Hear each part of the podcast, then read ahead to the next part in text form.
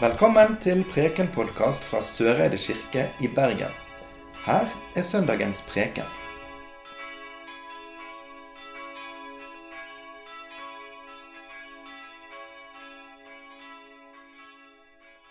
Det står skrevet i evangeliet etter Matteus.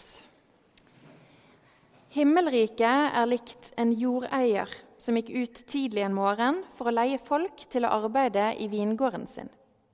Han ble enig med arbeiderne om én denar for dagen og sendte dem av sted til vingården. Ved den tredje time gikk han ut igjen, og han fikk se noen andre stå ledige på torget. Han sa til dem, Gå bort til vingården, dere også. Jeg vil gi dere det som er rett. Og de gikk. Ved den sjette time og ved den niende time gikk han ut og gjorde det samme. Da han gikk ut ved den ellevte time, fant han enda noen som sto der, og han spurte dem, Hvorfor står dere her hele dagen uten å arbeide? Fordi ingen har leid oss, svarte de. Han sa til dem, Gå bort i vingården, dere også. Da kvelden kom, sa eieren av vingården til forvalteren.: Rop inn arbeiderne og la dem få lønnen sin. Begynn med de siste og gå videre til de første. De som var leid ved den ellevte time, kom da og fikk én denar hver. Da de første kom fram, ventet de å få mer, men de fikk også én denar. De tok imot den, men murret mot jordeieren og sa:" De som kom sist, har arbeidet bare én time, og du stiller dem likt med oss, vi som har båret dagens byrde og hete. Han vendte seg til en av dem og sa, Venn, jeg gjør deg ikke urett. Ble du ikke enig med meg om én denar? Ta ditt og gå. Men jeg vil gi ham som kom sist, det samme som deg. Har jeg ikke lov til å gjøre som jeg vil med det som er mitt? Eller ser du med onde øyne på at jeg er god? Slik skal de siste bli de første, og de første de siste. Slik lyder det hellige evangelium. Dette er en fortelling som rokker ved noe av våre menneskers innerste rettferdighetssans.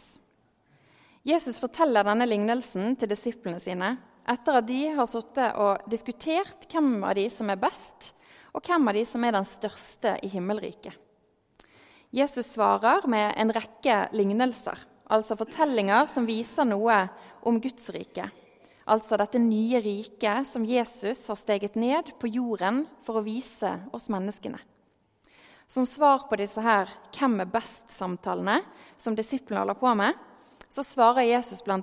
med at han kaller til seg et barn og sier at disiplene må bli som et barn for å være størst i himmelriket. På Jesu tid så var dette å snu opp ned på hvem som var viktig. Barna ble ikke ansett som størst i samfunnet. De skulle vokse opp med respekt for de voksne. Jo eldre, jo mer respekt. Og så var barnets mål å bli voksen, for så å være verdig å bli respektert. Veldig enkelt forklart. I teksten vår så får vi høre om en jordeier og vingården hans. Vi får høre om arbeidskraften som trengs, at det trengs folk fra morgen til kveld. Vi får høre om arbeiderne som stiller seg opp på torget i håp om å få arbeid for dagen. Og vi får høre at det velges ut arbeidere i en viss rekkefølge. Først noen, så noen flere, og så noen flere, og så til slutt de siste. Vi får ikke høre om at noen har gitt opp og reist hjem. Alle har stilt seg opp til disposisjon til å arbeide i vingården til denne her jordeieren. Og så gjøres det avtale med de første, at de kommer til å få utbetalt én denar hver for den jobben de gjør. Og denne, denne avtalen den godtar de. I neste gruppe, de som hentes ved den tredje time, så får vi ikke vite hvilken avtale de inngår. Heller ikke med de som hentes ved den sjette eller ved den niende time. Vi får ikke vite hva de avtaler. Men vi får høre at noen blir hentet så seint som i den ellevte time. Men vi får ikke vite hva det er de avtaler. Det vi kan tenke oss, er at eh, de nok hadde hørt hva det var som var avtalt med den første gruppen som ble hentet. Én denar for ett dags arbeid. Det er jo rettferdig at man får betalt for jobben som faktisk blir gjort. Og det var avtalt én denar med de som var valgt først. Én denar det var en raus og anstendig betaling for en dags arbeid. Det var ikke noe overdådig over denne betalingen, men det var nok til å sikre seg et normalt og fornuftig liv. Og Derfor gir det god mening at disse arbeiderne godtok denne lønnen, for så å gå ut og jobbe i tolv timer i solsteiken. Problemet det oppstår på slutten av arbeidsdagen, når de skal motta lønnen sin. De som kom sist, de blir satt først til å få betalingen. Og Da får de én denar hver. Altså den lønnen som var avtalt med de første som ankom, de som har slitt hele dagen. Så det bare antas fra de som har jobbet lengst, at å ja, men da får jo vi selvfølgelig litt bedre betalt enn de som bare har kommet og jobbet i én eller fire timer. For det gir jo mening at lønnen stiger etter antall timer man har vært på jobb for denne her jordeieren. Men neste gruppe, de som blir hentet nest sist, de får òg utbetalt én denar hver. Og så skjer det samme med de som ble hentet som nummer, nummer tre og nummer to i køen.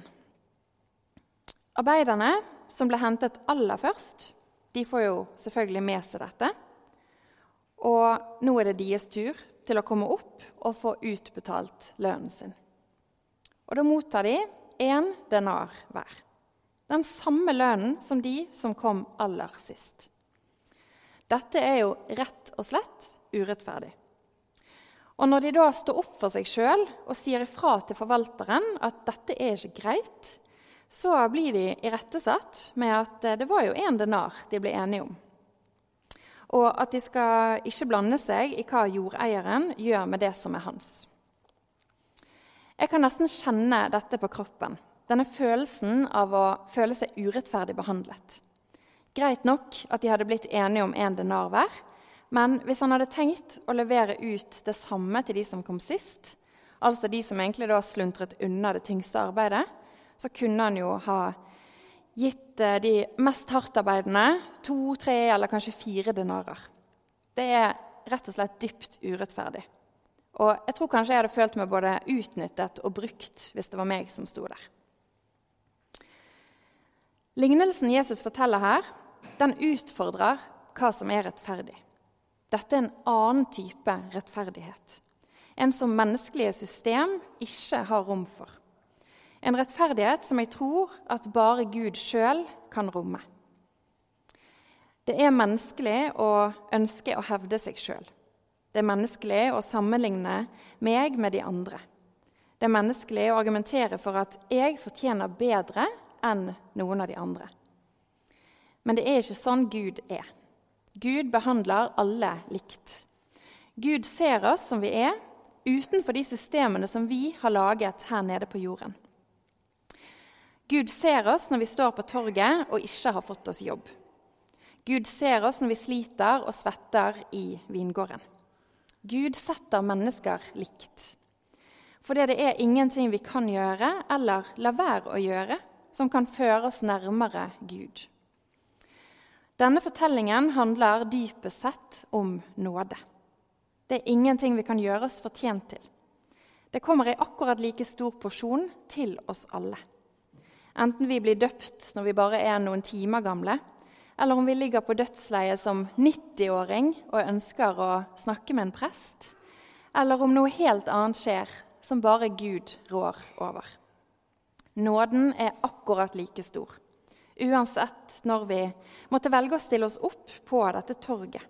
Uansett hvilke evner, engasjement eller egenskaper vi har til å arbeide i vingården. Uansett. Dette var ekstremt radikalt den gang Jesus fortalte om det. I dag så er det egentlig minst like radikalt. Vi mennesker er for alltid ønsket, elsket og verdsatt av Gud sjøl. Gud som har vært her på jorden og arbeidet sjøl med tungt fysisk arbeid. Gud ser oss for de vi er, og ikke fordi vi, for det vi gjør. Og de vi er, det er skapte, villede og elskede skapninger. Skapt i Guds eget kjærlighetsbilde. Jeg tenker på de som sto der på torget hele dagen. Elleve timer midt i solsteiken eller i plaskregnet. Det må ha vært sårt å se de andre bli plukket opp for å få jobbe. Det må ha vært sårt å stå der og tenke at samtidig som klokken tikker, så synker lønnen for hver time som går. Jeg tenker at de som sto på torget, kanskje var de samme som sto der dag etter dag. De som sto igjen, de som ble valgt til sist, eller ikke valgt i det hele tatt. Valgt bort. Og når jeg prøver å se de for meg, så ser jeg eldre menn. Jeg ser kanskje en på krykker. Jeg ser en gravid enke som prøver å gjemme seg bort fra de andres blikk. For det er ikke noe gøy å stå på torget og ikke bli valgt. Jeg tenker òg på jordeieren. Det må jo ha fristet å gi mer til de som ble valgt først. Men han måtte òg tenke langsiktig. Han ville gi nok til alle, nok til et verdig liv. Og hvis alle skal få nok, så kan ikke noen få mer. Da ruineres jo jordeieren, og disse arbeiderne står igjen uten arbeidsplass, uten en jobb å gå til. Teksten tar sånn sett òg et oppgjør med det å alltid ville ha mer. Men hvis alle skal få nok, så kan ikke noen få mer. Dette er radikale, gode nyheter som gjelder oss alle. Uansett oppmøte og uansett innsats. I gudstjenestene våre så vises dette radikale likhetsprinsippet på særlig to måter. For det første når vi døper mennesker uansett alder. Og for det andre når vi strekker frem våre tomme hender og mottar vår denar, som er nattverdsbrødet. Brødet som vi bryter, gir oss del i Kristi kropp. Fordi det er ett brød, er vi alle én kropp.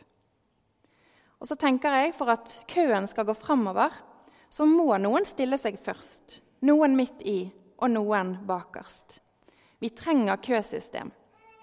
Men det er nok nåde, nok kjærlighet og nok brød til alle som ønsker å ta imot.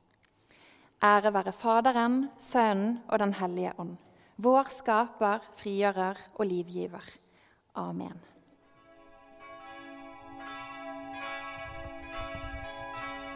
Du har nå hørt Preken-podkast fra Søreide kirke i Bergen. Følg oss gjerne på Facebook og Instagram eller gå inn på vår nettside kirken.no soreide. Takk for at du hørte på.